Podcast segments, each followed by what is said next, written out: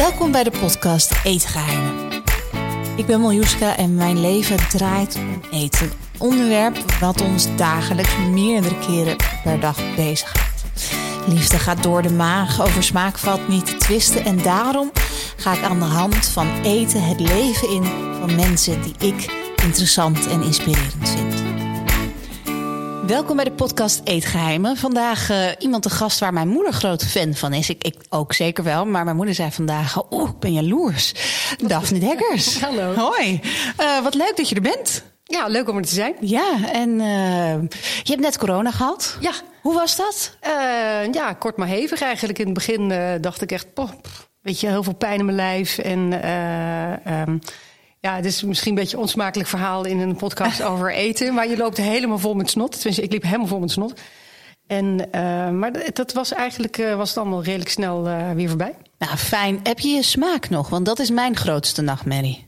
Um, ik proef, denk ik, voor de helft. En ik ruik oh. nog niks. maar ik ben bezig met zo'n met zo'n geurtraining. En uh, vrienden van mij die werken in het ziekenhuis en die zeiden van nou, zo'n geurtraining, dat, dat werkt echt. Dus uh, ja, het effect ervan is voor iedereen zeg maar verschillend. Maar ik dacht, baat het niet, dan gaat het niet. Want ik ken best wel wat mensen die al een jaar niks ruiken... of al maanden niks ruiken. En ik las ook zo'n echt wel uh, een aangrijpend verhaal over zo'n chef-kok die dus niks meer ruikt. Of mensen die met wijn bezig zijn voor hun werk. Ik denk, nou, dat heb ik natuurlijk allemaal niet. Maar weet je, ik wil natuurlijk wel gewoon weer wat gaan ruiken.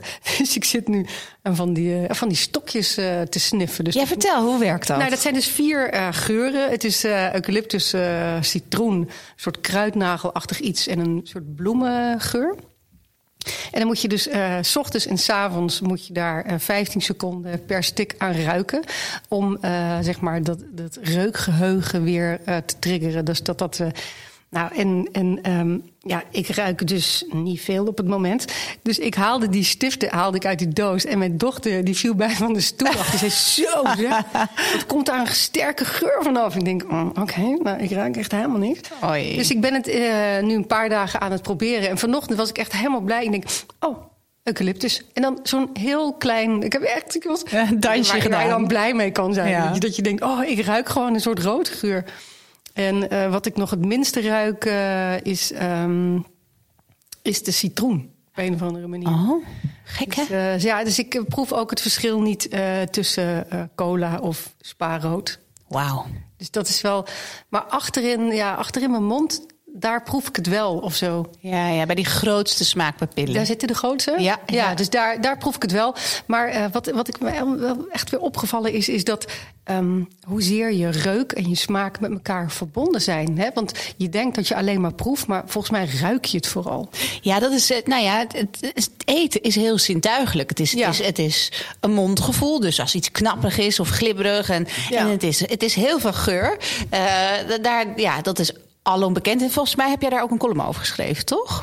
Ik heb een column geschreven uh, een tijdje geleden over uh, de nostalgie van geuren en wat het, uh, wat het bij je oproept. Ja. En wat, wat zijn voor jou nostalgische geuren? De nostalgische geur is het eten van mijn moeder. daar, daar, daar, ging die column ook, ook over. En de geur van kerstmis bijvoorbeeld. Um, de geur van, um, van als ik in de winter de hond uitlaat en dan al die open haardgeuren in de lucht. Dus dat, de, de, de, die koude geur van, de vries, van, van het vriezen. Ja. En dan de natte geur van de bomen. En dan de open haardgeur of de houtgeur. Dat, dat allemaal bij elkaar. Dat, ik weet niet, ik word er altijd helemaal weemoedig ja, van. Ja, ja, ja inderdaad. ja. en als je dan hebt over het eten van je moeder. Um, ja, als, als, je, als je thuis kwam vroeger en uh, waar, waar hoopte je op dat je zou gaan ruiken als je thuis kwam?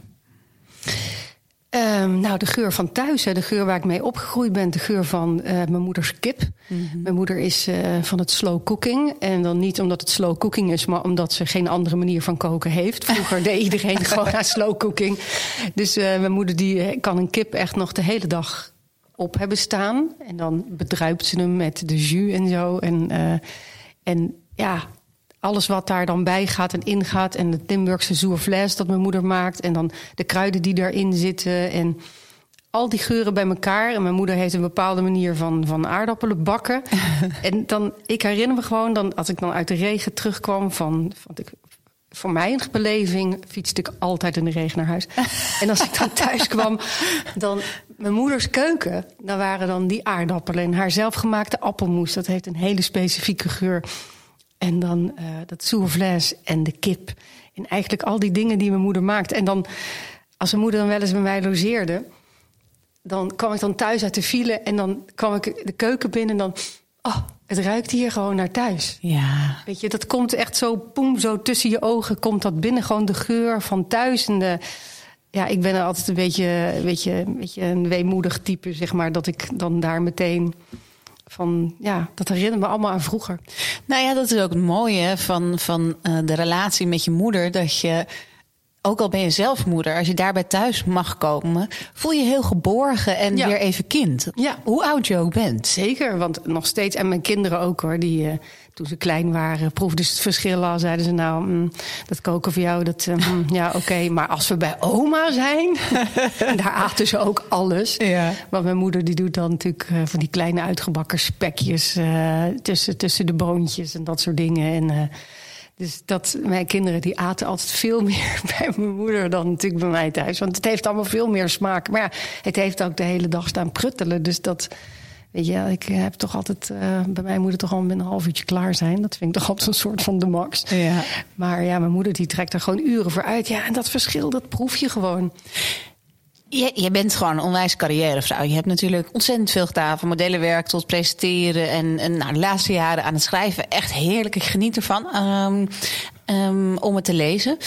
Maar ik kan me voorstellen dat je in de spits van je leven, met kinderen en werk en alles, dat je ook wel een beetje ondersteuning nodig had thuis. Deed je moeder dat ook? Nee, mijn moeder die woont uh, in Zuid-Limburg. Maar ja. uh, die, uh, als, als zij kwam en eenmaal begon te koken, nou, dan vond, vond ik altijd zo'n feest.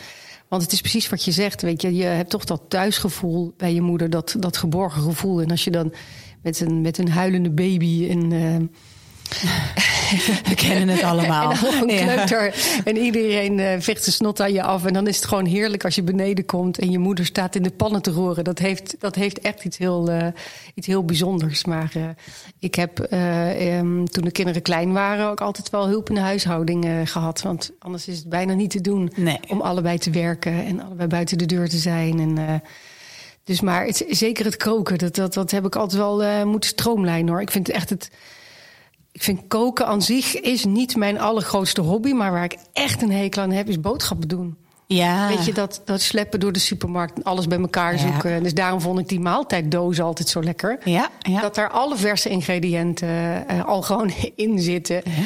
Want dan, uh, ja, en ik ben ook een beetje receptenblind. Receptenblind? Ja, echt, ik, ik, jongen, dat recepten en ik, het is gewoon geen goed huwelijk. Weet je, ik ben ik ben heel ongeduldig. Ik weet niet wat het is, maar dan ben ik het aan het lezen. Ja. En dan staat er giet het af. En dan klak, dan heb ik het al afge... en bewaar...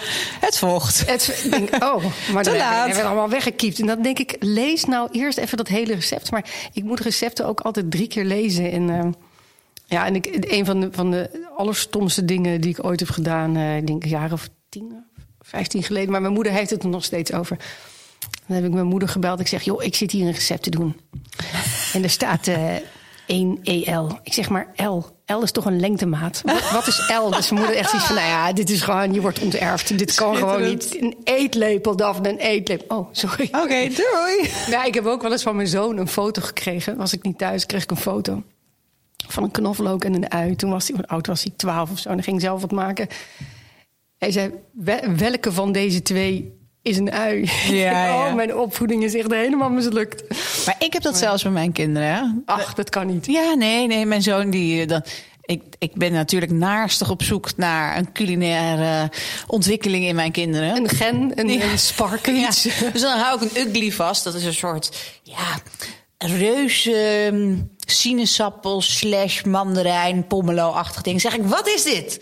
Dan kijkt hij me aan en zegt hij: Een heel lelijk iets. ja, iets, iets, iets waarvan ik hoop dat ik het niet hoef te eten. Nee, nee. En, ook, nee, en ik heb het ook vaak in de supermarkt dat ik iets wil afrekenen, pastinaak of zo. En dat, men, dat het meisje dan achter de kassa vraagt: eh, weet jij hoe dit heet? Wat is dit? Een vergeten groente, darling. Dit is nou een vergeten groente. ja, precies. Ja, ja, het is. Het is uh, maar op een gegeven moment dan komen ze in de puberteit en dan krijgen ze allemaal het bakvirus. Ja. En dan willen ze allemaal de hele dag willen ze cakes bakken en taarten en brownies. En, uh, want ja, ik dacht echt serieus van mijn kinderen die kunnen niks bakken of koken. Maar dan blijken ze het opeens wel allemaal te kunnen. Want dan krijgen ze heel veel behoefte aan dat vet en zout en zoet. En dan uh, gaan ze allemaal bakken. Ja, hoe heb jij leren koken? Want uh, Niet. Nee. nee, maar je bent het op een gegeven moment wel gaan doen. Ja, dat was ook een treurige zaak, inderdaad. ja, uh, nee, ja, ik. Uh, um, mijn moeder die, uh, die, die hield altijd haar hart vast toen ik dus ging studeren en op kamers ging. Die had echt zoiets van: nou ja, jij kan er geen ei bakken. En toen is wel een van de meest treurige dingen gebeurd. Mijn moeder heeft toen ik ging studeren, toen uh, ik was 17 of zo, ja, ik ging vrij jong het huis uit, ging studeren in Utrecht. En toen heeft mijn moeder, die is er avondenlang mee bezig geweest, die heeft een schriftje gemaakt oh. met de hand. Oh. Heeft ze al haar recepten opgeschreven. Wat ontzettend vertederend. Ja. En ik heb geen idee waar ik het heb gelaten. Oh. Ik vond het zo stom. Echt? Ja, ik was 17 en ik was blij dat ik het huis uit ging. We woonden in het kleinste dorp van Nederland. Ik ging studeren in Utrecht. Jee, kijk me gaan. Ja. En ik dacht echt van, nou ja, zoek het uit. Dat ga ik in ieder geval niet meer eten. Dat soervlees en die kip van mijn moeder, dat heb ik nou al die jaren gehad. En uh, ik, ga, ik ga andere dingen eten. Nou, dat werd macaroni met ketchup natuurlijk. En ik begreep ook eigenlijk niet zo goed waarom ik dat hele schriftje meekreeg. En nou, dat is echt. Ik krijg er nu nog pijn in mijn buik van. ja, omdat je dat, nu inmiddels ik, zelf moeder bent. Ik, ik wil dat schriftje. Ja, dat snap Dat ik. was zo'n labor of love. Ja. Dat schriftje, dat echt, ik zou er een moord voor doen. Ik wil dat schriftje terug. Dus het heeft jaren geduurd voordat ik op het punt kwam dat ik volwassen genoeg was om te beseffen hoe bijzonder zo'n schriftje is. Want mijn moeder die heeft nu die atroos in die handen, die kan dat natuurlijk helemaal niet meer schrijven. Die heeft ook zoiets van: ik heb het al een keer gedaan, de groeten. Ja. Dus dat, ik vind dat echt heel erg. Ja. Ik vind het heel erg dat ik dat. Ik kan me ook niet voorstellen dat. Kijk, ik geloof niet dat ik het weggegooid heb. Maar gewoon dan denk je van ja. Het is de nonchalance van de jeugd ook. Dat je denkt. Weet je, een schriftje over kip, doei. Ja. En nu denk ik, oh, waar is het? Had ik Ja. het nog maar? Dat snap ik zo Weet goed. je, dus, dat, uh, dus ik heb in mijn boek Uitwaaien... heb ik um, mijn moeder zo gek gekregen... om nog een keer dat hele zoervleesrecept op te schrijven. Wat ontzettend En, uh, leuk. ja, dus dat heb ik, uh, in mijn boek heb ik dat gedaan. Ik krijg nu ook allemaal uh, berichten van mensen... die het ook echt zijn gaan maken. Nou, ik ga het ook maken. Ja, ga jij het ook maken? Nou. Nou, dat vind ik helemaal leuk. En ja, je hebt gestudeerd. Je hebt heel, op een heel hoog niveau modellenwerk gedaan. Hoe, kan je even me, me meenemen door jouw leven? Even, oké, je ging op je 17 het huis uit. Toen ging je studeren in Ja. Utrecht. Wat ging je studeren? Uh, communicatie. En, Daar ben je wel heel goed in geworden. ja, ik heb het niet afgemaakt. Dus uh, ja. ja, en toen, uh, ik woonde best wel een eind van college vandaan. En ik moest een heel stuk fietsen. En ik kom uit het kleinste dorp van Nederland. Dus ik moest sowieso, op de middelbare school moest ik ook altijd een uur naar school fietsen. Een uur weer terug. Altijd met wind tegen natuurlijk. En regen. En in de regen. Ja, ik kan me niet anders herinneren dat het regende. Maar wij fietsen nog allemaal gewoon met een regenpak. Nou ja, inmiddels, toen mijn kinderen naar de middelbare school gingen, was een regenpak totally not done. Dat was iets, nou, dat trok je echt niet aan. Nee, je liet nee. jezelf helemaal nat regenen en nam je een droge joggingbroek mee. Ik heb nooit helemaal begrepen. Nee, het is heel bijzonder. Het is echt tegen, Ja, het, het regenpak is gewoon, uit de mode. dat kan niet. Nee, misschien als er overal, want dat is tegenwoordig van de gekken natuurlijk, met al die Gucci-logo's en Louis Vuitton dingen. De- Als ik soms sta ik voor een middelbare school en dan zie ik die meiden er naar buiten lopen met tassen, jongen, die gewoon bijna evenveel waard zijn als mijn auto. Maar geen regenpak. Maar geen regenpak. regenpak. Misschien moet er een Louis Vuitton logootje op of zo. Misschien. Precies, gewoon hele lelijke mm, van die merkachtige dingen. Maar, maar hoe komen ze allemaal het geld voor zo'n tas? En waarom zo'n tas? Is echt belachelijk. Ja, ik waarom denk- niet gewoon een linnen tasje met bandenbom of zo? Precies. Nou ja, ik denk altijd dat het een soort van. ehm, ja, de- een soort van markering is van je persoonlijkheid. Zoals van, weet je, dit heb ik in ieder geval. Dat betekent dus dat ik ook erbij hoor. Vroeger waren dat Timberlands en een Levi's spijkerbroek. Maar tegenwoordig zijn het die tassen. Die tassen, ja, maar die tassen zijn zo duur. Belachelijk. ja, ik, ik, nou ja. Maar ik, toen ik in Utrecht ging, eh, ging studeren, moest ik dus weer fietsen. En toen, Zeg ze enigszins. nou ja, zo is het Ja. eigenlijk gekomen. Want ik zag dus een, een, een wedstrijd, eh, een, eh, een, een modellenwedstrijd. Daar kon je een scooter mee winnen. Oh. En, nou, en een scooter, dat had toen echt nog niemand. Nee, dus jij dacht... Ik Oh. denk, nou, ja, weet je wel, it's a long shot. Maar eh, misschien eh, moet ik het gewoon eh, proberen. En toen werd ik dus tweede. En toen kreeg ik een pennenset. Oh, wat sneu. Nee, helemaal niet. Want het Nee? was eigenlijk het universum eh, die toen al tegen mij zei... nou, vriendin, een scooter. Ga maar lekker schrijven. Ga maar lekker schrijven. Ja, dus, maar toen stond ik wel ingeschreven bij de modellenbureau. Maar dat, ja, dat wilde ik eigenlijk niet of zo. Ik, wilde, ik, ik had mijn hoop gezet op die scooter. Ja. En toen zei die directeur van het modellenbureau... die zei van ja, maar als je nou gewoon één of twee klussen doet... dan koop je toch gewoon een scooter. En toen begreep ik eigenlijk pas van... oh, die kan hier eigenlijk wel best wel veel mee verdienen of zo. Ja. Ik kwam echt uit een ei, uit een dorp. Weet je, nu is modellenwerk, met alle Duitse cruisen van deze wereld... modellenwerk is heel mainstream. Ja. Maar dat was toen helemaal niet zo. Dat, eh, ik dacht dat modellen allemaal uit Amerika kwamen of zo. Of eh, mijn studiecoördinator, toen ik dus stopte met mijn studie... kreeg ik een hele speech van, die dacht dat ik de prostitutie inging. Dus dat, ja, maar dat, in die tijd, modellenwerk, dat was iets alsof je met het circus meeging. Er waren ook maar een paar bureaus. Er waren in Nederland nog helemaal niet zoveel modellen. Weet je, en modellenwerk is nu zo... Ja, ja, ja. Iedereen Net zijn bij de- moeder eh, doet ja. modellenwerk. Ja. Weet je, dus dat is gewoon... Ja, het is gewoon heel erg veranderd. En toen ben je daar ingestapt. Ja, toen ben ik daar eh, ingerold. Ik denk, nou, ik doe het gewoon een beetje naast mijn studie. Want ik had, eh, ik, ik weet het nog precies, ik had 600 gulden eh, basisbeurs in de maand. Mijn kamer kostte 300 gulden. Dus ik had nog 300 gulden over voor eten. Dus ik had een tientje per dag die ik dus aan, aan macaroni kon besteden. Dus, en, en ja, als model verdiende je toen echt al best wel veel hoor. Ik denk dat dat wel de hoogtijdagen waren van het modellenwerk. Oh ja? Ja, ik denk dat je da- dat in de jaren dat ik modellenwerk deed. Ja, je begon met 1000, 2000, 3000, 4000 gulden per dag. Het sloeg echt nergens op. De bomen groeiden echt tot in de hemel. En je ging ook voor. Ik deed veel eh, lingerie en, ehm, en, en eh, bikinis en dat soort dingen. Ja. Dus we gingen allemaal naar tropische eilanden. We gingen naar Mauritius en naar de Seychelles. En allemaal om drie badpakken te fotograferen. Dat je denkt, wat nou? Tegenwoordig ga je naar de studio. Dan krijg je een hoop zand op de studiovloer. Ja, en dan twaalf sets en rammen. Ja. printen ze erachter een foto van een palmboom. Ja, ja, en ja. succes, weet je wel. Maar ja, op een of andere manier reclamebudgetten waren toen echt outrageous gewoon. Wauw. Dus ik heb heel veel mogen reizen, heel veel mogen verdienen en eh, veel gespaard en ja, veel van de wereld gezien. Maar toen stopte ik dus wel met mijn studie en dan waren mijn ouders waren daar heel erg teleurgesteld over. En dat was ongeveer na een jaar of dat, dat heeft langer geduurd? Ja, ik was wel binnen een jaar. eh, ja, ik kon kiezen. Ik moest twee tentamenweken maken of ehm, ik kon twee weken naar, eh, naar Martinique. Goh. Ik denk, ja, Moeilijk. Moeilijk, moeilijk, doei. Ja. Oh, mijn ouders waren pist. En heb je daar dan ook. eh, kijk, modellenwerk is natuurlijk zeker. In die tijd was het, eh, was, was het, was het over het algemeen. De happy few die gewoon super strak van zichzelf waren. En eh, destijds was natuurlijk de magere lijn meer in dan eh, dat nu weer is. Ja, bij mij nog niet hoor. Nee? Nee, nee dat, ehm, ik ben uit, de, uit de tijd zeg maar, van Cindy Crawford Oh ja. en Naomi Campbell. En je had gewoon een maat 36. Ja, ja, ja. En toen op een gegeven moment, toen was ik een jaar of vijf bezig, toen kwam Kate Moss. Nou, dat was helemaal kut. En Kate Moss, ja, dat was die, opeens die heroin shit. Ja. En ik, kijk, iemand als, als Cindy Crawford had gewoon een heel goed figuur. Borsten en heup. Maar wel. Ja, maar, dat- maar slank. Ja, wel superhumans in mijn optiek, weet je wel? Omdat ze gewoon... Er zijn heel weinig mensen die natuurlijk de full package hebben. En dat hadden al... Niemand ziet er zo uit. Nee. Het is een soort, eh, ik wil niet zeggen eh, genetische afwijking, maar je moet dus en lang zijn en dun.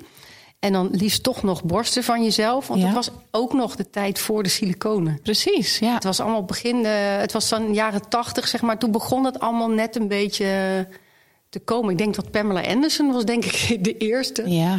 Die, waarvan ik wist dat ze siliconen had. Het was gewoon een topsport volgens mij. Nou ja, Weet je, net, net zoals bij voetbal. Je, niet iedereen wordt eh, een topvoetballer. En, ja, het is een bepaald lichaamstype wat gewoon heel weinig voorkomt. Precies. Ja, en het was nog niet zoals nu. Als ik bijvoorbeeld nu mensen zoals Duitse zie, die zijn heel erg afgetraind.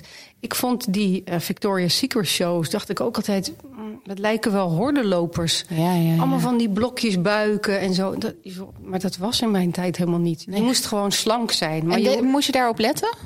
Um, ja. Ja, want uh, ik, uh, ik was van mezelf wel slank. Maar als model, zeker als je veel lingerie en badpakken doet of zo, dan. Kijk, die macaroni met ketchup, dat ging eigenlijk niet meer. Nee, nee, nee. Nee, en ik was ook altijd te dik voor Parijs. Dan, ja, het was echt niet te doen, joh. Je echt, oh, de dingen die ze tegen je zeiden. Maar ja, ik kon er altijd wel, ja, ik had gewoon veel werk in Milaan. En, en, um, maar ik vond het wel ingewikkeld af en toe. Dat ik dacht, oh, jezus, wat gaat er toch wel veel over over mijn maat.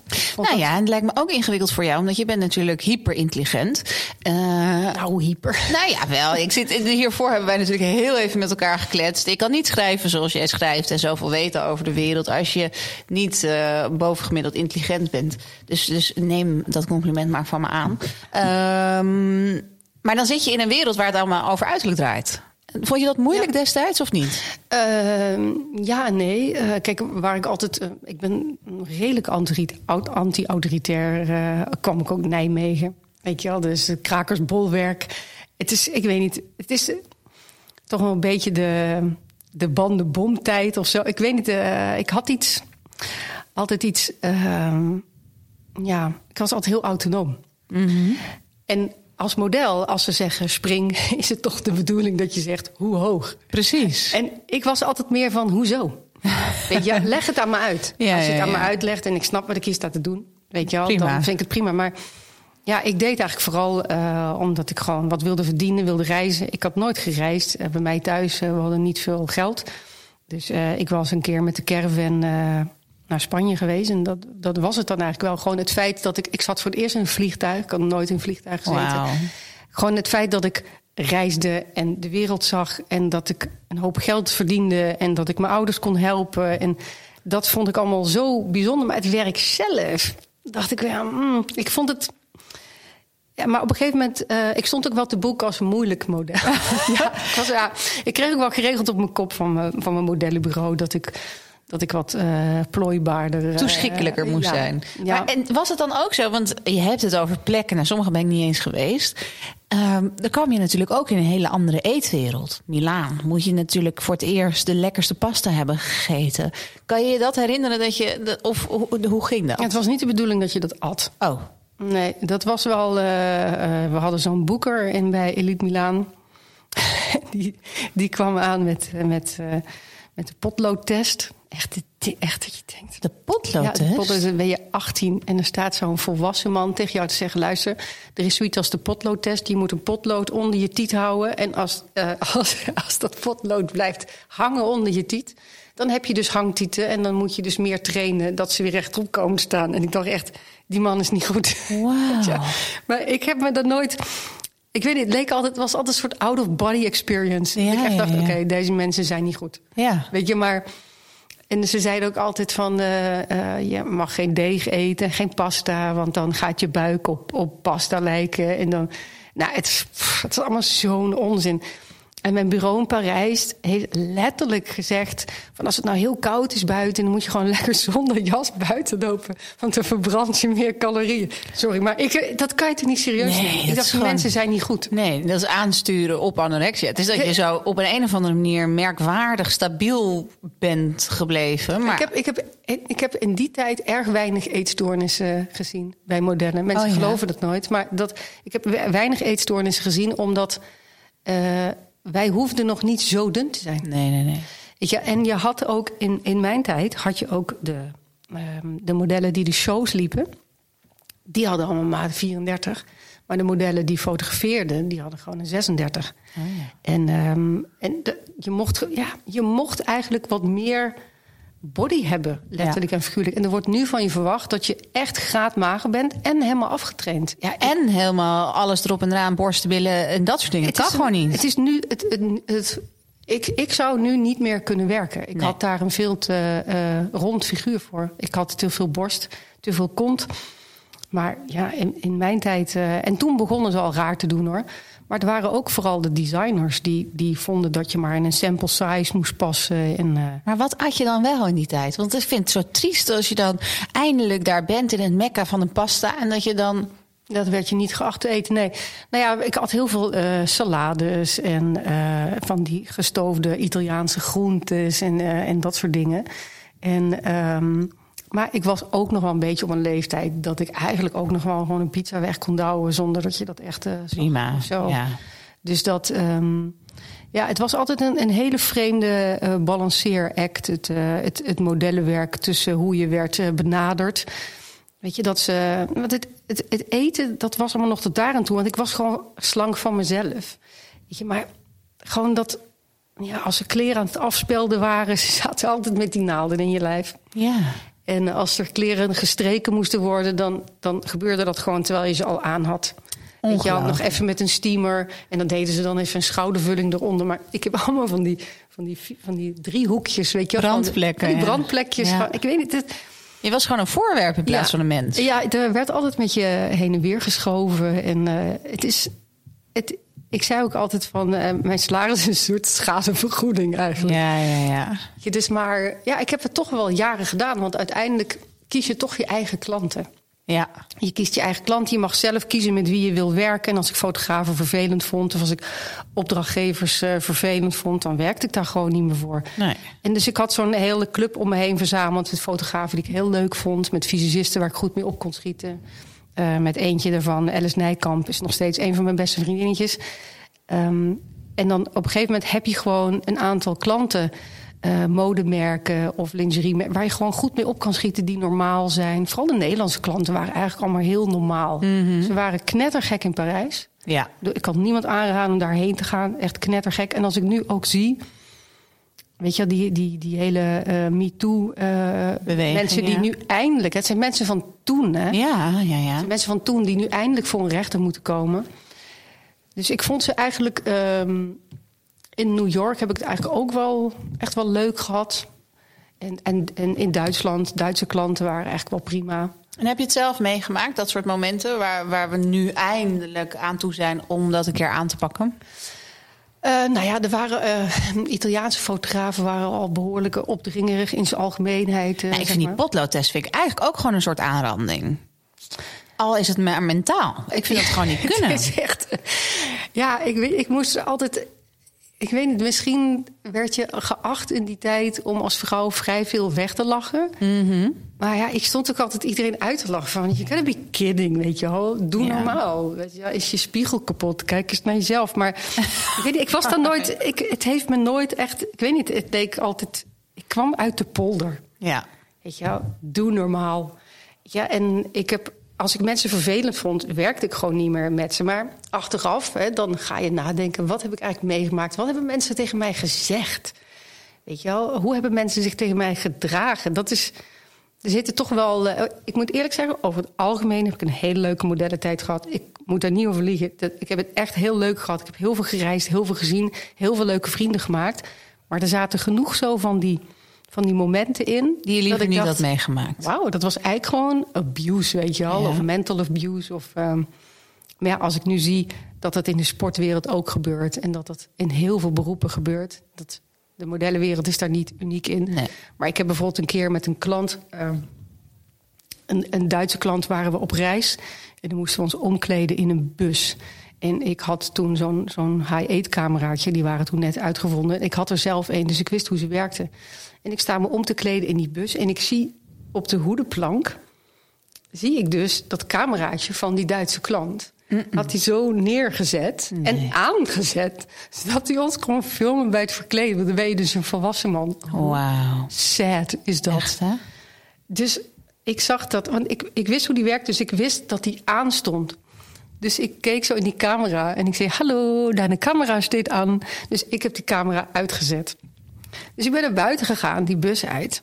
Dus ik zei tegen, tegen die man: Ik zeg, God, niet om het een of ander. Ik zeg maar, jouw camera staat gewoon aan in de bus. Waar wij ons staan om te kleden. Ik vind het gewoon niet netjes dat je dat doet. Daar heb ik shit mee gehad. Echt? Ja, iedereen was boos op mij. De fotograaf was boos. Mijn bureau belde me op. Iedereen was over de zeik dat Nou ja. ik, de klant, op de set had aangesproken. Ik had dat moeten doen waar de anderen niet bij waren. Ik had dat moeten doen, zus. Ik, ik denk, hoezo krijg ik hier nou een veeg uit de pan? Maar dit, is, dit heb ik echt heel vaak en dan op een andere manier, maar dan met zaken doen bijvoorbeeld. Dus ik vind, als ik, uh, ik moet altijd alles voor elkaar hebben. Ik zorg dat ik het goed geregeld heb. Als ik het niet goed geregeld heb, mag je daarop aanspreken. Maar als je daar dus grote mannelijke mensen op aanspreekt, nou, dan lijkt het wel alsof de wereld klein is. Dat is echt moeilijk, vind ik soms. Ja, ik, ik begrijp gewoon. Mm, ja, dit, dit is dus eind jaren tachtig waar ik het over heb. En toen lag heel erg de nadruk bij jou. Jij moest met opdringerige fotografen omgaan. Jij moest altijd blijven lachen. Jij werd betaald om je werk te doen. Jij moest mensen netjes van je afslaan. En als een klant jou blijkbaar stond te filmen, dan moest je je bureau bellen. Dan moest je dat netjes oplossen en hush hush. En je moest zeker niet iemand confronteren midden op de set. Maar ik denk dan, ja, waar dan wel? Ja, precies. Maar het is ook, weet je, het is hun verantwoordelijkheid. Dus het is, weet je, het is niet alsof ze per ongeluk dat hebben gedaan. Nee, weet dus, je, hij staat mij te filmen. En weet je wel, ik zie dat. Hoezo? Ja, misschien was het dan. Uh, Nee, ja, ik ga het niet eens voor mezelf uitleggen. Nee, of wel of niet netjes maar jij hebt nu een dochter, die, waar daar, die, die, die is in principe in L.A. woonachtig. Mhm. Die uh, heeft daar opleiding gedaan. Die zit ook een beetje in de entertainmentwereld. Nou, een beetje best wel behoeld. Eh, ze, ze acteert natuurlijk, ze speelt rollen. Als je naar haar kijkt en dan naar je eigen ervaringen... denk je dan niet soms, oh, ik wil je in een bubbel stoppen? Ik heb haar gewoon alles verteld. Oké. En uh, zij is een ram van een sterrenbeeld. En uh, ze, ze, is denk ik nog erger dan ik. Eerst met die, eerst met die horens door de ruiten. Ja. Dus ik heb tegen haar gezegd: luister, jij pikt niks van niemand. Weet je wel, want dat hoefde in de jaren tachtig eigenlijk al niet. zeg maar, inmiddels hebben we bijgeleerd. Ik bedoel, dat pik niks. Nee. Weet je wel, let op je, let op je drankje als je uitgaat in L.A. En uh, weet je wel, let op met wie je afspreekt. Maar ook als je in een uh, zogenaamde professionele setting zit. Weet je, jij bepaalt altijd je eigen grenzen. Weet je, maar, maar vrouwen worden toch nog steeds een beetje opgevoed met um, de goede vrede bewaren ja. en don't rock the boat. En, doe maar niet te veel je mond open Ja, doe maar niet, uh, nee. weet je, pff, nou ja. En je had ook een rokje aan, hè? Dus het is logisch dat. Ja, ja, ja. Weet je, dus dat is, dat is. En het is natuurlijk een, een, een zeker modellenwerk, weet je wel. Want als je dan ja, lingerie staat te fotograferen. En is het van ja, ja, ja, maar ja, je ligt daar ook in lingerie. Ja, je vraagt er ook wel mannelijke fotograaf. Ja, ja, het blijft toch een man. Ja, maar dan moet je ander werk gaan Precies, doen. Precies, vind ik ook. En toen ben je langzaam doorgerold naar presenteren. Hoe is dat dan gelopen? Nou, ik presenteerde al op de middelbare school. ja, ik uh, had op de middelbare school had ik zo'n uh, zo'n oproep uh, gezien. Van wil je bij Club Veronica komen werken? Wil je tv-programma's presenteren? En, en ik deed op de middelbare school Weet je wel, het, feestbestuur en het schooltoneel en de schoolkrant en dat soort dingen allemaal. Dus ik dacht, oh, dat, dat, dat, dat wil ik wel. En toen uh, heb ik me daarvoor opgegeven en toen uh, ben ik daarvoor uitgekozen. En toen heb ik bij uh, Veronica zo'n hele jongerenopleiding gedaan. Televisie maken, radio maken. En toen ben ik jeugdprogramma's gaan presenteren. Toen zat ik in de 5 en 6 VWO. Toen ging ik altijd met de trein uh, op en neer naar, uh, naar Hilversum. Oh, dus je was helemaal niet wereldvreemd toen je in modellenwerk begon? Nou, in Hilversum uh, gebeurde helemaal niks spannends hoor. dat was toen echt gewoon nog een dorp waar je met de trein aankwam en dan kreeg je een broodje kaas. Nee, dat, dat, dat was echt. het was allemaal zo. Het was eigenlijk allemaal dorpser. Gemoedlich. Ja, het was gewoon, uh, je deed met z'n allen een opleiding. Je had nog geen social media, niemand had een draagbare telefoon. Ik zorgde dat ik altijd een paar kwartjes bij me had, dat ik in ieder geval naar huis kon bellen. Het is, ik moet zeggen, er is zoveel veranderd ja. in 25 jaar tijd. En dit was echt nog, uh, ja, dit was uh, bijna pionieren of zo. Maar hoe vond je dat? Ja, ontzettend leuk vond ik dat. Ja. ja en toen, toen, toen zat je in dat modellenwerk, verdiende je hartstikke veel geld, superleuk. Maar op een gegeven moment moet er verveling zijn ja, toegeslagen. Ja, dat, dat, en kijk, het geld wordt echt een dingetje. Hè, dat je denkt, pff, weet je wel, dus zoveel verdien ik niet meer zo makkelijk. Nee. Dus dan, dan de stap om daaruit te stappen is, uh, is best wel groot. Dus op een gegeven moment ben ik echt gaan sparen. Dat ik dacht, oké, okay, ik, ik moet gewoon... ik wil mijn studie afmaken of ik wil iets anders doen. En toen heb ik een, eh, een boek geschreven over de internationale modellenwereld... over mijn ervaringen daarin... En um, dat boek was ik uh, aan het promoten. Ik had zo'n heel persrondje door Nederland. En ik zat dus ook op de radio bij Veronica over dat boek te praten. Ehm, volgens mij was ik het eerste model dat een boek schreef over de internationale modellenbusiness. En toen zeiden ze bij Veronica, maar we kennen jou toch? Je hebt toch jaren geleden hier uh, programma's gepresenteerd? Ik zeg, ja, dat was ik. Zeiden ze, nou, dat treft. We zijn audities aan het doen uh, voor een reisprogramma. Wil je ook auditie doen? Ik zei, nou, ik wil wel auditie doen. Toen ben ik een reisprogramma gaan presenteren. Ja, dus toen ben ik gestopt met, uh, met modellenwerk. Want toen kreeg ik een contract bij Veronica om programma's te presenteren. Easy. Ben ik dat gaan doen. Ja. ja. Nou ja, moest wel overal gewoon auditie voor doen. Ja, tuurlijk. Nee, maar wel gewoon lekker doorrollen. Het is niet zo dat je... Dat je... Maar het was zo, het was zo gênant. Ik had dus jaren modellenwerk gedaan. Oké, dus het eerste programma wat ik doe... is een uh, reisgids Expedition. Best wel zo'n um, zo'n stoer reisprogramma. Maar ik ben dus niet door. dus, en ook nog door en door verwend als model. Dus we staan in Sauerland en we zouden gaan parapenten... Maar ja, het regende. Luister, als het regent, dan kom je als model de locatiebus niet uit. Want je haar stort in, je hebt je make-up aan. Dus ik zit er gewoon in die bus en ik zit te wachten. Het camerateam staat al buiten, mijn oh, regisseur staat buiten. Ja, en ik denk, sorry, maar het regent.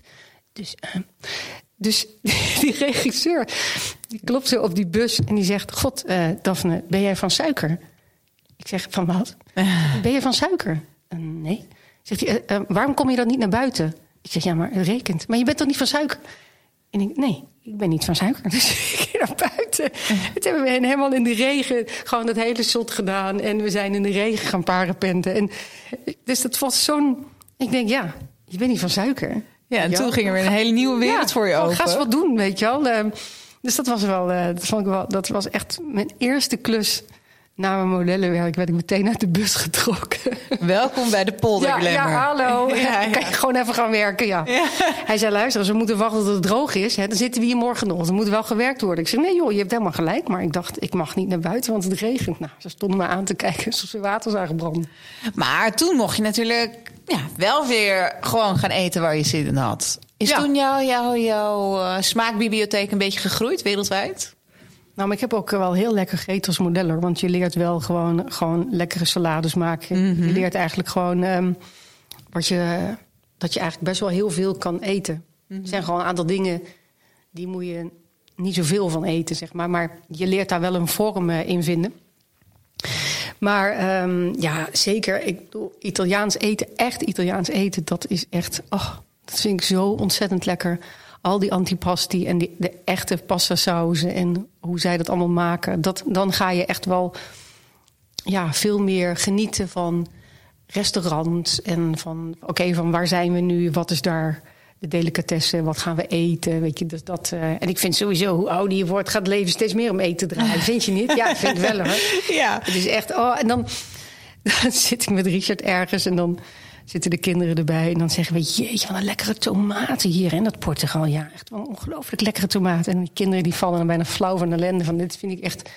Dit vind ik zo grijze dakduivenwerk. Dat, je, dat je op een bepaalde leeftijd komt. Dat je gaat zeggen, wat een lekkere tomaten. Maar het is wel zo. Ja, maar dat, ja, je gaat steeds meer die kleine dingen in het leven waarderen ook. Ja. ja. dat je denkt, dit zijn wel echt hele lekkere olijven. Of we hebben een huis in Spanje. En uh, als ik dan uh, in Spanje ben, vind ik zo lekker om daar naar die markt te gaan. De, gewoon hoe de groentes smaken. En dan, maar de kinderen worden daar niet goed van. Dus als je nou nog één keer zegt dat die groentes hier zo lekker zijn. Dus zij willen gewoon een pizza of sushi of weet je. Maar ja, ik vind dat hoe ouder je wordt, je gaat, uh, je gaat echt lekker eten, ga je steeds meer waarderen. We hebben established dat jouw moeder ontzettend goed kan koken. Dat jij het liefst binnen 30 minuten iets op tafel zet. Mm heeft Richard uitgekookt voor het gezin? Uh, nou, hij kan, hij, kan, hij kan wel koken. Maar Richard heeft mij onder valse voorwensen naar binnen gehengeld. Oh. En toen ik hem net leerde kennen, toen uh, heeft hij een ongelooflijk lekkere risotto uh, voor mij gemaakt. Want zijn vorige vriendin was een Italiaanse. En uh, toen dacht ik, jezus, een man die zo lekker risotto kan koken, die moet ik houden. Nou, hij heeft daarna echt nooit meer risotto gemaakt. ik zeg, nou, ik vind wel dat ik onder valse voorwenselen ben, ben binnengetrokken. Dus hij, hij is eigenlijk een beetje hetzelfde als ik. Hij, houdt ook niet zo heel erg van... Hij kan wel koken. Mhm. Maar het is gewoon niet echt, uh, het is gewoon niet echt onze hobby of zo. Maar we hebben een aantal dingen die we gewoon uh, heel lekker vinden om te maken. Die ook niet zo ingewikkeld zijn. We zitten nu helemaal in de shakshuka. Ah, ja. Dat vind ik ontzettend lekker. Ja. En dat is ook wel redelijk simpel. simpel. om Maar te maken. Heel als- smaakvol. Jouw kinderen zijn natuurlijk nu ook al groot en zo. Als, als, ze, als ze, want jij moet nu met je kinderen afspreken. Willen ze je, Ja. je natuurlijk, want anders krijg je het niet zien. Zo gaat dat helaas. Alles wat je erin stopt, krijg je dat weer terug. Goed. ehm, wat, eh, wat willen zij dan graag dat er op tafel staat als ze langskomen? Eh thuisbezorgd.nl. Ja, toch wel. Oké, ja, ja, ja. Nou, dus zij verheugen zich enorm als we naar oma gaan. En mijn moeder is natuurlijk aan het begin van de zomer getroffen door die eh, overstroming in Zuid-Limburg. Dus bij mijn moeder is de hele benedenverdieping eruit gespoeld. En daar is ze nog erg. steeds mee bezig. Iedereen is de overstroming in Zuid-Limburg natuurlijk al lang vergeten, behalve in Zuid-Limburg Ja. zelf. Dus ze heeft nu, eh, ze, heeft, ze woont al maanden op haar bovenverdieping. Maar nu eindelijk is dus alles. eh, heeft weken, weken, weken van die ontvochtigers in huis gehad. Heel veel meubels waren kapot. Maar de hele keuken dus ook. De hele keuken tot los. En de auto en alles eigenlijk. De wasmachines en you name it. Maar dat is zo erg als je je namelijk identificeert via je eten. Dat, ik heb dat gehad met de verbouwing. Als je keuken dan, als je niet kan koken. Ja. Dat merkt mijn moeder dus ook. Mijn Ja. moeder die kookt heel graag voor ons. Ook omdat wij het enorm waarderen. Maar ze heeft nu alleen dus een magnetron. En ze was helemaal blij, want ze heeft dus een nieuwe keuken besteld en zo. Maar ja, half Zuid-Limburg heeft een nieuwe keuken besteld. Dus nu heeft ze dus een noodkeuken gekregen. En mijn moeder had zoiets van, oh, dan kan ik eindelijk weer dit en dan kan ik eindelijk weer dat. Dus mijn zoon had zoiets van, we gaan kip van oma. en toen kwam dus die noodkeuken. En het is eigenlijk een, een spoelkeuken. Het is dus een wasbak Wat? met warm en koud water. Dus mijn moeder had zoiets van, eh, waar, waar, waar is mijn gasstel? Waar is mijn oven? Ja, nee, dat zat er allemaal nog niet bij. Maar dan kon je wel alweer de afwas beneden doen. Dus eh, mijn moeder die, die zit echt te popelen. Die, die wil zo graag voor ons koken. Die wil zo graag... Ja, ik zeg gewoon even een, een, een, een elektrisch fornuis er naartoe. eh. Ja, dus dat heb ik ook al gezegd. Maar dat wilde ik ook al bij haar boven eh, zetten. Weet je, gewoon ehm, van, die, van die kookplaatjes. En, dus dat je in ieder geval iets kan maken. Maar ja, mijn moeder kookt altijd met acht pitten. Ja. Weet je, en dan, dan staat dit te pruttelen en dat te pruttelen. Dus ik denk dat ze misschien niet eens weet hoe ze met twee pitjes eh, uit de voeten zou kunnen. Maar net als bij jou, eh, bij haar is het, eh, het koken echt een groot deel van haar identiteit. Dus als we naar oma gaan, weten de kinderen precies wat ze willen. Maar mijn dochter is ook vegetarisch sinds anderhalf jaar. Dus die, ehm, dus die, die hoeft dan sowieso natuurlijk niet veel van wat ik kook. Dus maar van, van, ik heb van haar wel geleerd eh, dat je dus eh, heel lekker vegetarisch kan eten. Dat er heel veel eh, vegetarisch vlees is, wat echt prima is. Dat Mooi. het gewoon lekker is. En ze kwam met allemaal nieuwe dingen dan. Van je moet dit proberen of dat proberen. En we hebben ook een week samen hebben we vegetarisch gegeten. Dus alleen maar vega. En ja, ik moet zeggen dat ik dat eigenlijk... Prima vond. heel prima vond. Ja, ik moet zeggen, die vegetarische kip vind ik echt helemaal prima. Die hamburgers zijn erg lekker. Wat vond ik dan niet zo lekker? Ehm kom er nu eigenlijk niet eens op. Oh ja, zo'n vegetarisch braadworstje. Hm. Mm, ja, ja, een beetje een, een stuiterbal waar je op zit te Dan denk ik, hm, vond wat minder. Maar als je bijvoorbeeld een gerecht maakt waar kip doorheen gaat... Ja, als je daar vegetarische kip doorheen doet... nou, knappe jongen dat je het verschil proeft, hoor. precies.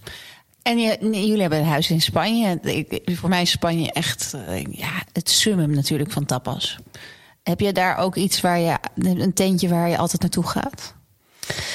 Eh, nou, ik ben op zich niet echt zo'n tapas-eter. Wat ik wel echt heel lekker vind, zijn die, eh, die padrons, die, die, die pepertjes. Ja. Die ze dan zo lekker grillen. Of ik weet niet, wat, je doet, wat doe je ermee? Komen die uit de oven of Nee, zo? je doet ze heel kort op de grill. De beetje zout eroverheen, klaar. Ja, heel lekker. ontzettend lekker. Dus daar, eh, daar, ben ik echt, eh, daar ben ik echt fan van.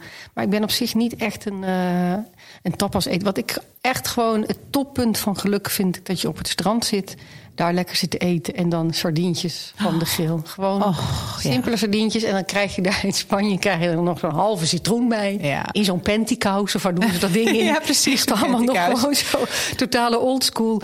En dan gewoon alleen maar zo'n hele lekkere Spaanse citroen erover. En dan van dat dikke zout en dan die gegrilde sardientjes. Ja, ik vind dat echt dat is... Ik heb heel erg veel trek in. nu. Ja, zo geel zijn noemen ze dat. Ja, in zo'n grote boot die ze vullen met houtskool. Ja. En dan zo op die spiezen roosteren. Oh, dat is zo ontzettend lekker. Trekt alleen veel vliegen aan. Ja, Dus maar eh, dat, die moet je dan maar voor lief nemen. precies. Ja, als je een beetje op het platteland woont in Nederland... ben je ook altijd... eh, Vliegen. Precies. Dus, Ja.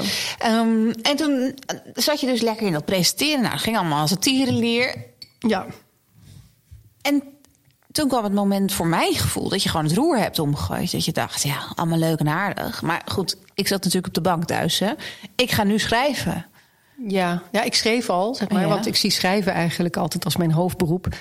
En televisie heb ik er altijd naast gedaan, omdat ik het heel leuk vond om te doen. Eh, maar omdat televisie natuurlijk echt heel visueel is, letterlijk en figuurlijk, hebben mensen dat zien ze veel meer. Dus Precies. mensen hadden al het gevoel dat dat was wat ik deed. Ja. Eh, maar ik, ja, ik heb ehm 23 boeken gepubliceerd. Het uitwaaien wat daar ligt, dat is mijn 23e boek. Dus dat is echt wel een dagtaak. Ja, ja, Het schrijven van zoveel boeken, dat is ook mijn grote liefde, het schrijven. Eh, maar ik vind televisie heel erg leuk. En zeker live televisie. Eh, ik heb natuurlijk heel lang boulevard gedaan, bijna tien jaar omdat televisie, eh, daar gebeurt heel veel. Het gaat altijd over de actualiteit. Je bent met collega's, er zijn altijd discussies, er zijn altijd onderwerpen, er wordt altijd gelachen. Ik weet niet, ik, en dat, dat mis ik nu ook wel. Ik mis wel heel erg de dynamiek van, eh, van live televisie. Maar ik eh, wil graag een, een roman schrijven. En ik merkte dat. Ik deed best wel veel boulevard. Dat ik, ik kon die twee dingen niet. Nee, is combineren. heel moeilijk. Omdat Ja. het is zo de waan van de dag. En je kan niet niks, iets missen. Dus je moet alle kranten lezen. Je moet ieder- en nu helemaal in deze tijd waar er ook nog social media is. Het blijft maar een storm van Ja. informatie die je de hele dag tot je moet nemen. Je kan daar niet gaan zitten en denken, nou, ik zie het wel. Nee, zeker niet. Maar ik ben ook wel echt een informatievreter. Ik, eh, ik lees verschillende kranten. En ik lees eigenlijk de hele dag ook omdat ik natuurlijk iedere week een column moet schrijven die wel ergens over moet gaan. Eh, en ik ben ook ge- geïnteresseerd eigenlijk in alles. Ik wil altijd alles weten. En alles, als ik dan iets lees wat ik niet begrijp of een begrip wat ik niet ken, dat, dat zoek ik altijd meteen op. Omdat ik, ik weet niet, ik, ik vind het gewoon leuk om dingen te leren, om te weten, om er meer over te weten, achtergronddingen te lezen en zo. Eh, maar ik kon op een gegeven moment gewoon niet meer samen. Mijn kinderen die zaten in richting het eindexamenjaar. En dat vond ik heel erg druk. Als je denkt dat, dat kleuters of peuters druk zijn. Nou, pubers.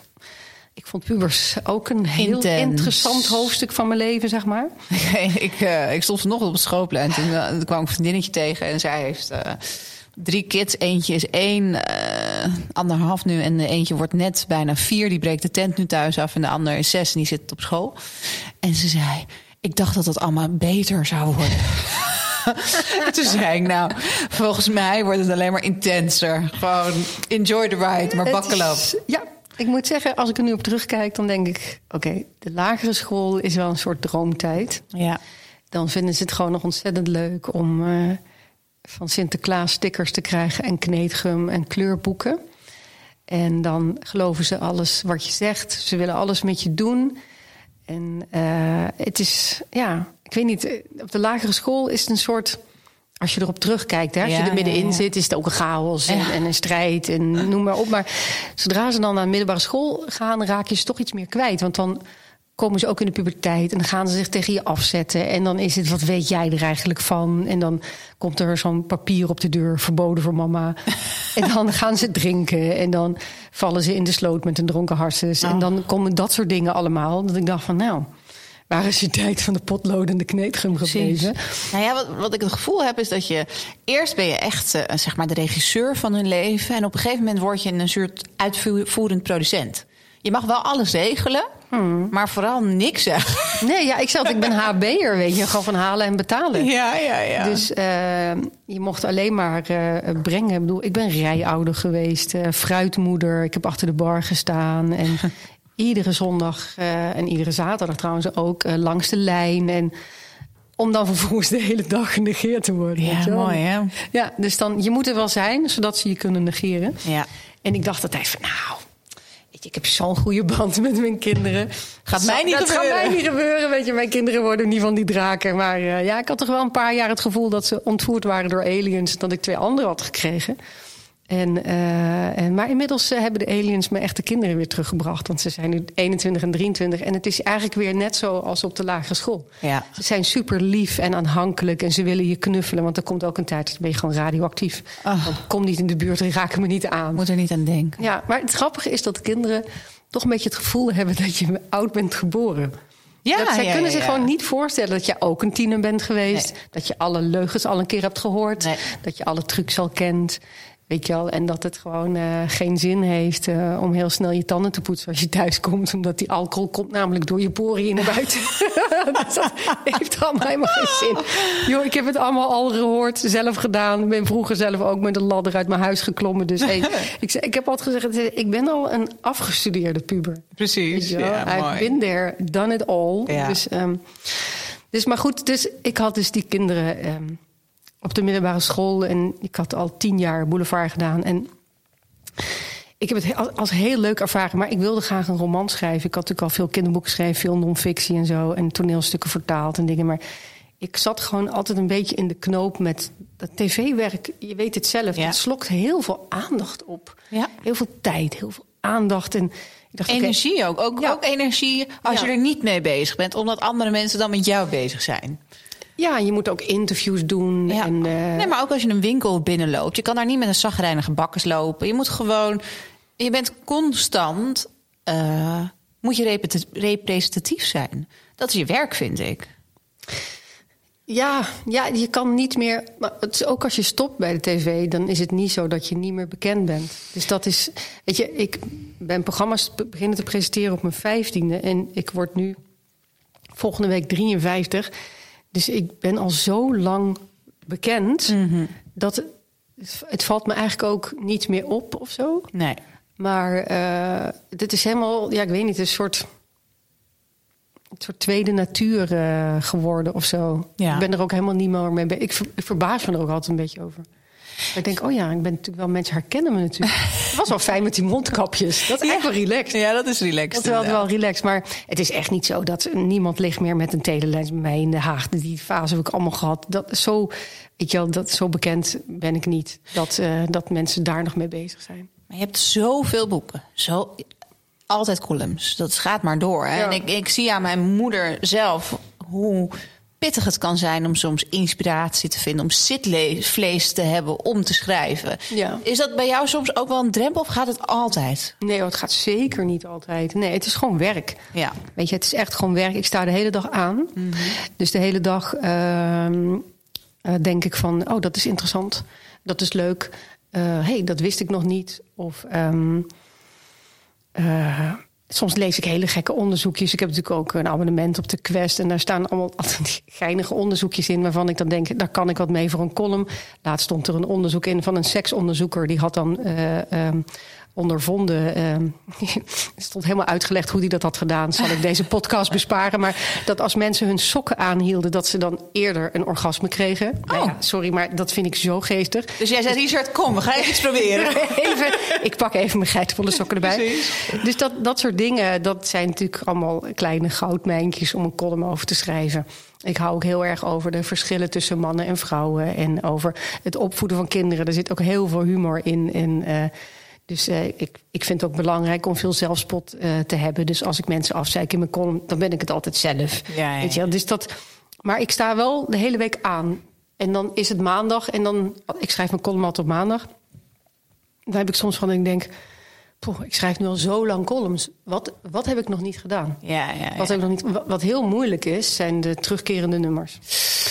Sinterklaas, Ja. kerst, Pasen, Pasen, oudejaarsavond, moederdag. denkt, vaderdag. Wow, ik heb nu al zoveel insteken hiervan gehad. Ja, wat kunnen we nog? Wat kunnen we hier nog mee? Maar ik hou ook wel van associëren. Hè. Bijvoorbeeld als jij zegt, um, uh, hier liggen dan uh, bijvoorbeeld deze rode besjes. Ja. Dan uh, schrijf een column over deze rode besjes. Dan begin ik wel gewoon te associëren. Weet je, dat, dat deze hadden we vroeger in de tuin. En mijn vader noemde die wiemelen. Dat, zo heten ze in het Zuid-Limburgs. En uh, dus dat, dat herinnert me dan aan mijn vader. En dan zo kom je dan toch wel weer gewoon bij een verhaal uit. Ja. Weet je, dus maar uh, hoe persoonlijker, uh, hoe beter een column werkt. Ja. Goh, Ik vind het heerlijk om met je te zitten. Ik kan denk ik wel een jaar met je praten. Nou, wat een gezelligheid. Ja, maar we moeten, we moeten eventjes eh, de food choice doen. Oh. Die, die, die is er altijd. Ehm, geef snelle keuzes. Niet te lang nadenken, alsjeblieft. Zoet of zout? Mm, dat, dat is echt veranderd. Ik eh, ben altijd een zoete kou geweest. En eh, ik ben nu doorgeslagen naar de zout. Naar de zoute kant, ja. En eh, als je het over zoete kant hebt, waar, waar, wat, wat, wat, waar hebben we het dan over? Haribo snack of toppoesen of ijsjes? Nee, ik hou niet van ijs. Dat is echt wel heel raar. Je ik hou niet van ijs? Nee, en ik hou ook niet van gebak. Dat vind ik zo vies. Echt? Ja, ik, ik vind ijs gewoon ja, niet lekker. En, en taart ook niet. Wat heb jij een genetisch voordeel? zeg. Nee hoor, want ik hou wel van droptoffees. En van, van die suikerhartjes. Daar kan ik Oh, mezelf ja. helemaal een verzakking aan Ja? Eh, ik hou van, eh, van die schuimblokken. Eh, ik hou van mauwmams. Oh ja. Ja, allemaal van die ongelooflijke chemische rotzooi. Ja. Van die schoolkrijtjes vind ik ontzettend lekker. Oh, die zijn heel lekker. Van die eh dropdonders. Ja. Eh, en dan, dan, zeker als ik een boek aan het schrijven ben, dan snoep ik veel te veel. Dus dan ga ik naar een benzinepomp en dan neem ik het allemaal mee. En zeggen ze, oh, heb je een feestje? Dan denk ik, ja, ja Met mezelf. nee, zeker, er komen wat mensen langs. nou, inmiddels weten ze altijd dat bullshit eh, is. Dus, eh, maar op een gegeven moment dacht ik echt, oké, dit kan dus gewoon niet meer. Ik krijg er een hele... Hoe ouder ik word, als ik te veel suiker eet, krijg ik opgeblazen buik. Aha.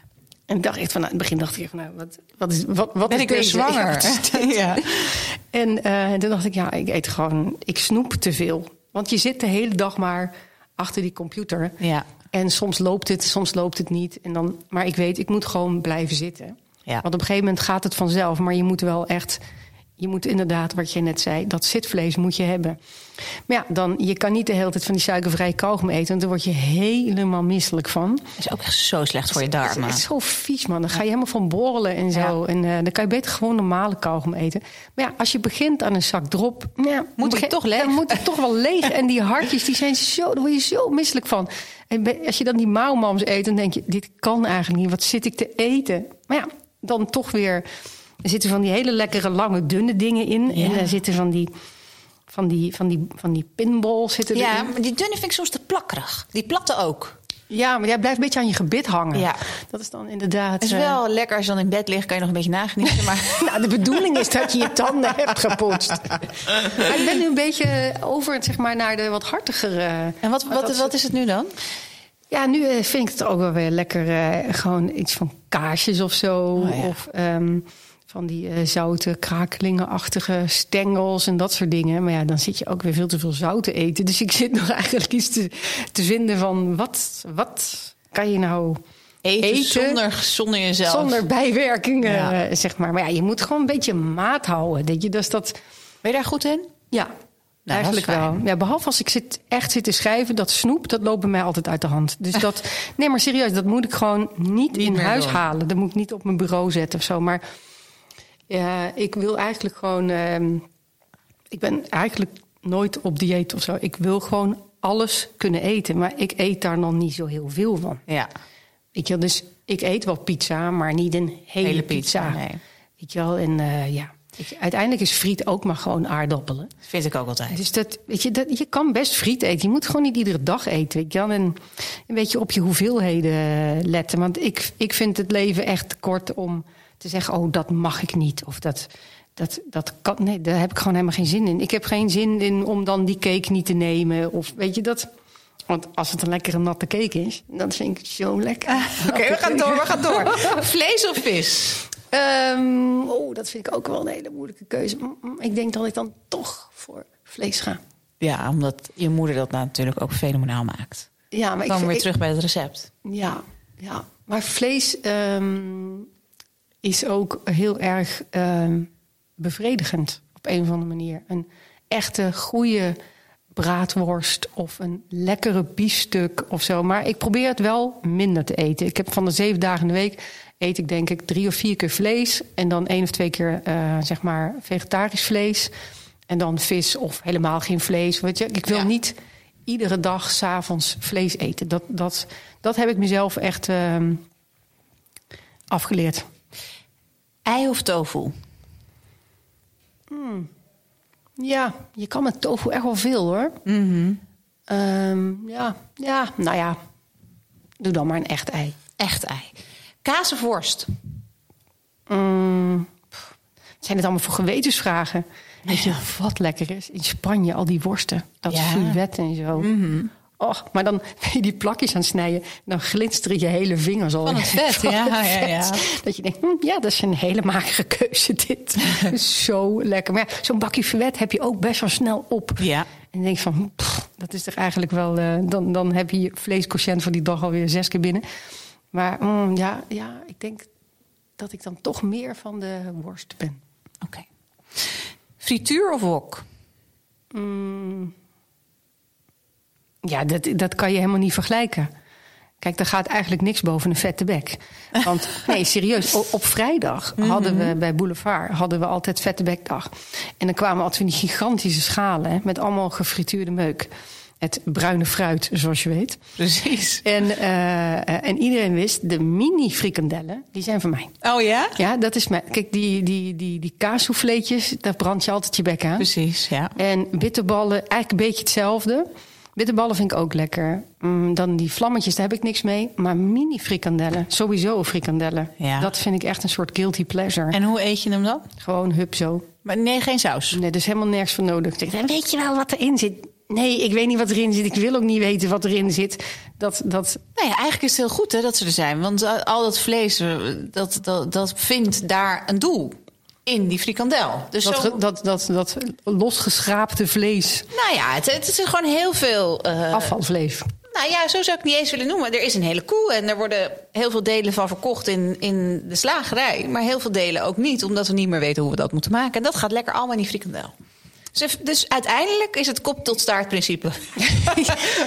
Zo moet ik het misschien aan mezelf gaan verkopen. ja, nou ja, ik, ik het dan, dan, ja, nu ik dus niet meer bij Boulevard eh, zit, heb ik natuurlijk die, die vette bekdag eh, Niet meer. niet meer zo geregeld.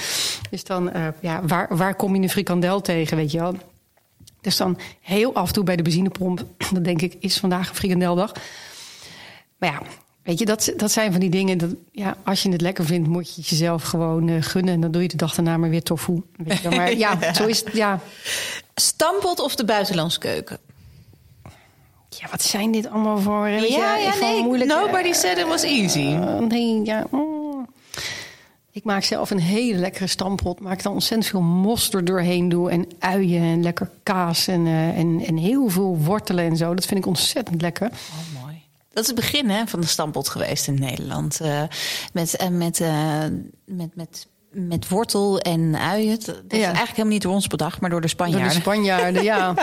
In Zuid-Limburg heet het hete bliksem. oh ja? Ja, hete bliksem. En dat, ik heb het altijd zo lekker gevonden. En dan met een kuiltje jus erin. En dan kom je thuis en het waait en het regent in die polder. En dan had mijn moeder zo'n hele pan. Maar ik doe er dan ook nog kaas in. En mijn moeder vindt dat, eh, mijn moeder vindt dat Heilig schennis. heilig schennis. Want er hoort geen kaas in de stampot. Maar ik vind dat wel lekker, lekker van die blokjes kaas erin. Ja. Maar ja, de buitenlandse keuken, dat, eh, ja, ja de, buitenland, de buitenlandse keuken is trouwens nog Veel groter, ja. Dit is, eh, ja. dus eh, pff, ja, ik denk dat een stampotje met een gehaktbal. Dat is toch echt wel niet te versmaden. Ik, heb, ik ben best wel vaak in Amerika. Ja, nu dus een tijdje natuurlijk niet met de corona en zo. Maar ik heb zelf heel lang in Amerika gewoond. En ik ga natuurlijk vaak naar Emma toe toen ze in Los Angeles woonde. En ik vind altijd, als ik dan terug ben uit Amerika... dan kan ik niet wachten om iets normaals te eten. Ja, heftig Het hè? eten is daar zo raar. Nou, ik werd, eh, de eerste keer dat ik in Amerika was, werd ik meteen hartstikke ziek. Oh ja, ja. Omdat eh, ja, ik, ik ging naar vrienden opzoeken en die eh, zeiden meteen, ik was net geland, kom we gaan even ontbijten bij Wendy's. Had ik nog nooit van gehoord. Daar gaat toch geen normaal mens ontbijten, echt. Nou, en Dat toen, doen eh, ze allemaal. ja, toen had ik een broodje met ei besteld, maar dat was niet een broodje met ei. Daar was allemaal natuurlijk patat bij en ik weet niet wat. En ik dacht, voor hoeveel mensen is dit? Ja, de en, porties zijn niet normaal. nee, het lijkt wel alsof het allemaal geen echt eten is. Ja, dat heb ik dus ook. En eh, Emma was ook vaak ziek eh, in Los Angeles. Ik zeg, je moet echt naar zo'n farmers market moet je gaan en je eigen ingrediënten gaan halen. Want, eh, maar bijvoorbeeld in de Europese Unie ehm, mag je geen groeihormonen en meer gebruiken in vlees al heel lang niet meer. En ook geen, eh, maar echt heel weinig antibiotica. Maar in Amerika is dat dus niet. Nee. In Amerika mag dat nog allemaal wel. En ik heb ook het gevoel dat fruit ja, bijna geen fruit meer is. Dat er niet veel vitamine in zit of zo. En het vlees smaakt anders, de aardappelen zijn anders. Je krijgt overal zoveel van. Maar op een of andere manier heeft het allemaal een beetje dezelfde smaak of zo. Niet ver buiten LA zit een uh, fantastische boerderij. Daar is ook die film over gemaakt. My Biggest Little Farm. Oh. Echt een kijktip. Ja. Ehm, mensen die totaal ander werk deden, zijn daar een prachtige boerderij begonnen die helemaal zichzelf in stand houdt. En dat heet Abercott Lane Farms, volgens mij. Um, en als je dus daar bent de volgende keer, dat is een goede tip. Daar produceren ze alles zelf. Ja, maar dat, dat is de enige manier waarop je in, in Amerika echt jezelf zeg maar goed kan voeden. Je hebt daar ook echt food deserts.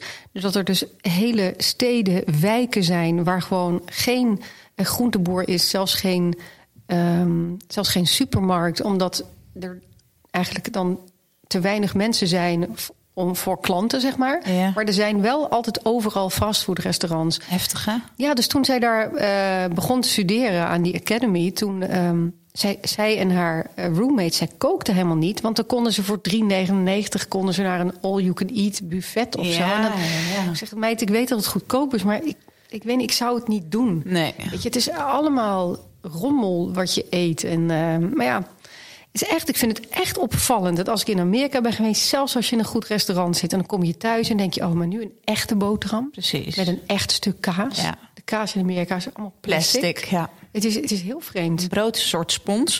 We gaan door. Uh, gezond of vet? Kijk, nou, ehm, ja, ik zeg nu natuurlijk gezond. Maar dat wil niet zeggen dat ik niet ook wel van een vette bek hou. Kijk, ik geloof er gewoon in dat je alles kan eten. Je moet gewoon een beetje op je hoeveelheden letten. Ja. Vegan of vegetarisch? Vegetarisch. Ja. Ik vind vegan echt heftig. Cake of taart? Ik hou geen cake. Je houdt Cake, niet, ja, niet van gebakken. Dat nee. sponsige. Ik vind dat sponsige. dit vind ik echt niet te doen. En die lage botercrème. Nee, dat, nee, nee, nee, nee, sorry. Maar cake, cake vind ik wel lekker. Ja. En dan ook bijvoorbeeld van die, ehm, eh, van, van die Friese kruidkoek. En Ja, met van die dikke stukken gember erin en zo. Dat vind ik ook allemaal lekker. Maar taart, ja. Nee, nee, nee, nee. Koud of warm eten? Mm, ja, nou, ja. Dat weet ik eigenlijk niet. Ehm, misschien wel koud eigenlijk. Ja? Ja. Ik vind, ik vind heel veel soorten salades waar dan van lekker veel. Dan doe ik er veel makreel doorheen en een, en een geroosterde boterham erbij. Weet je, dat, dat soort dingen. Dat vind ik eigenlijk ook allemaal heel erg lekker.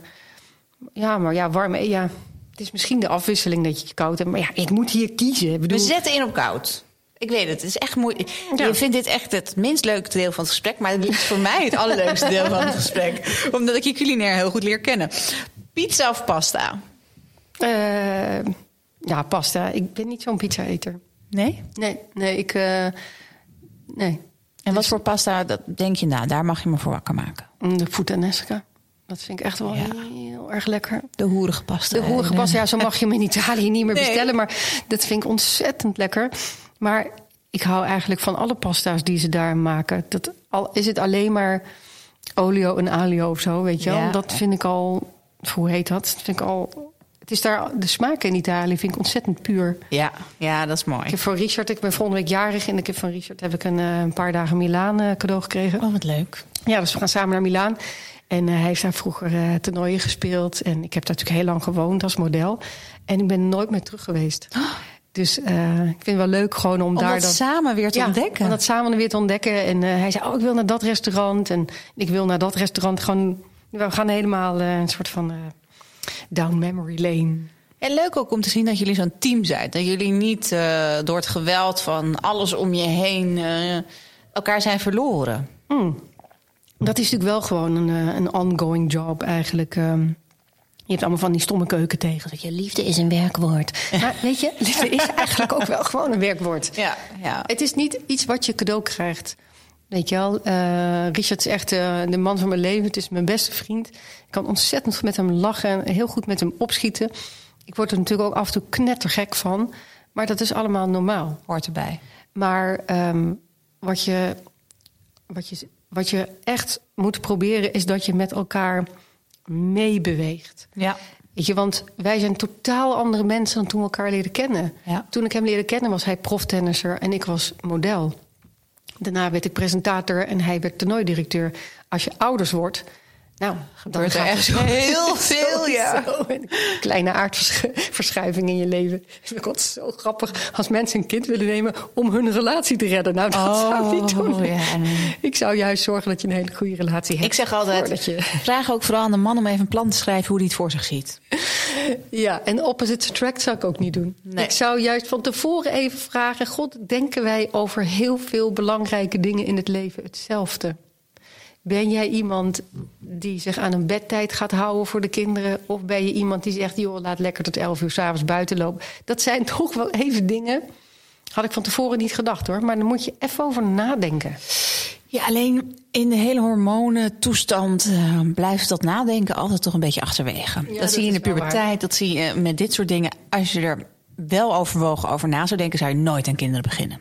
Het is eh, best wel een ingreep in je leven. Maar het is ook wel het mooiste wat ik met mijn leven heb gedaan. Mijn kinderen, dat vind ik echt het beste wat me is, is overkomen. Weet je wel? Het is alsof je hart uit je lichaam wordt gehaald... en de armpjes en beentjes eh, aan worden gemaakt. Het, is, het zijn mensen die eh, je organen zal geven, je laatste adem. Weet je, het is gewoon ontzettend gezond, denk ik... om buiten jezelf eh, te, te gaan. Weet je, dat je Meer houdt van iemand anders dan van jezelf. Ja, dus dat Ja. je denkt van, weet je, als het met hun goed gaat, dan, dat je niet zo op jezelf gericht bent van eh, wat wil ik, eh, hoe doe ik. Je, en, je krijgt feedback, hè? Ja, Je krijgt feedback. nou Dus, die je ehm, ook niet ja. wil soms. Het is een hele leuke spiegel. Ja. Thuis of uit eten? Uit eten. En heb je een favoriet restaurant in Nederland? Eh, nee, ik, ik hou gewoon van, van, van restaurants. Gewoon lekker gezellig zitten, Ja, een avondje ervan maken. ja, en Ja. dan gewoon eh, nieuwe kaarten ontdekken en eh, gewoon een, een nieuwe sfeer. En, en ik ben ook wel gevoelig voor de inrichting van een restaurant. En kijk, je eet natuurlijk gewoon meestal thuis. Maar als ik kan kiezen tussen eten van mijn moeder of een restaurant, dan eten Je van mijn moeder. De wc Maar vind ik ook altijd heel belangrijk in een restaurant. de wc. Ja, het zegt heel veel over een plek. Of het schoon is of Ja, niet. ja, en of het een beetje leuk is. Weet je, het is toch eh, ja, een Ja, hele intieme plek. eh, maken er echt wel een fiesta van tegenwoordig. hè? ja. Dat, eh, wordt, het wc wordt helemaal meegenomen in de, in de beleving, zeg maar. Met of zonder alcohol? Ik drink helemaal niet. Nooit. Nee. Oh, Ik nou. heb nog nooit glas alcohol gehad. in Mijn leven niet. En, en dat is gewoon omdat je het niet lekker vindt? Of... Ja, dat is, het is niet een of andere wilde overtuiging of zo. Maar ik vind het echt niet lekker. Nou, heel Dus handig. dat, eh, nou ja, eigenlijk wel, want ik ben altijd de Bob. ja. En, ehm, dus ik heb wel van alles wel een heel klein slokje gehad. Maar bah, ik vind het, allemaal, ja, het, het smaakt allemaal naar aceton. Of, eh, ja, geestig. oh, ik vind het zo ongelooflijk vies. Dus, eh, en mijn beste vriendinnetje heeft dit dus ook. Nou, dus wij zijn met z'n tweeën altijd. High on life, Ja. maar voor de rest niks. Ja, doe maar een cola. Ja. Curry of ketchup? Eh, curry. Pittig of mild? Eh, milder dan mild. Ik kan niks van pittig hebben. Nul. Oh nee? Nee, ik heb ehm, zo'n eh, lekkende maagklep eh, Oh, overgehouden aan mijn twee zwangerschappen. Ja. En dat, nee, ik kan absoluut geen... altijd een beetje last van mijn slokdarm daardoor. ja. Dus nee, dus ik kan niks pittigs hebben. Nou, ik wil je ontzettend bedanken voor je komst en voor je boek Uitwaaien. Geluk dicht bij huis. Ik denk dat we het meer dan ooit kunnen gaan gebruiken. Want eh, ja, we moeten wat dichter bij huis blijven. Als we het allemaal weer een beetje onder controle willen krijgen. En ook weer een beetje om je heen kijken. Ja, ik, eh, ehm, bij de eerste lockdown en, eh, in 2020... toen had ik een lijstje voor mezelf gemaakt van... oké, als, als deze ellende voorbij is... wat wil ik dan nog allemaal zien? Waar wil ik naartoe? Waar ga ik beginnen? En dat lijstje werd eigenlijk steeds uitgebreider. En dan ging ik mijn vrienden vragen van... eh, god, waar ben jij geweest? Waar is het leuk? En iemand zei, weet je wat je moet doen? Je moet voetvissen in Zeeland. Ik zeg, voetvissen? Kan dat ook nog? Weet je, want alles wat je raapt aan kokkels en zo... dat mag je gewoon Ja. opeten, mag je meenemen. Dat soort dingen, dat wist ik eigenlijk allemaal helemaal niet. En uiteindelijk dacht ik, weet je, ik ga er gewoon een heel boek van maken. Alles wat ik grappig vind aan Nederland, of leuk of bijzonder... of waar het mooi is, of waar het gek is... of eh, waar je lekker kan eten, waar er... eh, eh, zeg maar stadstranden zijn. En uiteindelijk werd het gewoon een heel, een heel dik boek. Met alles waar ik van geniet in, in Nederland.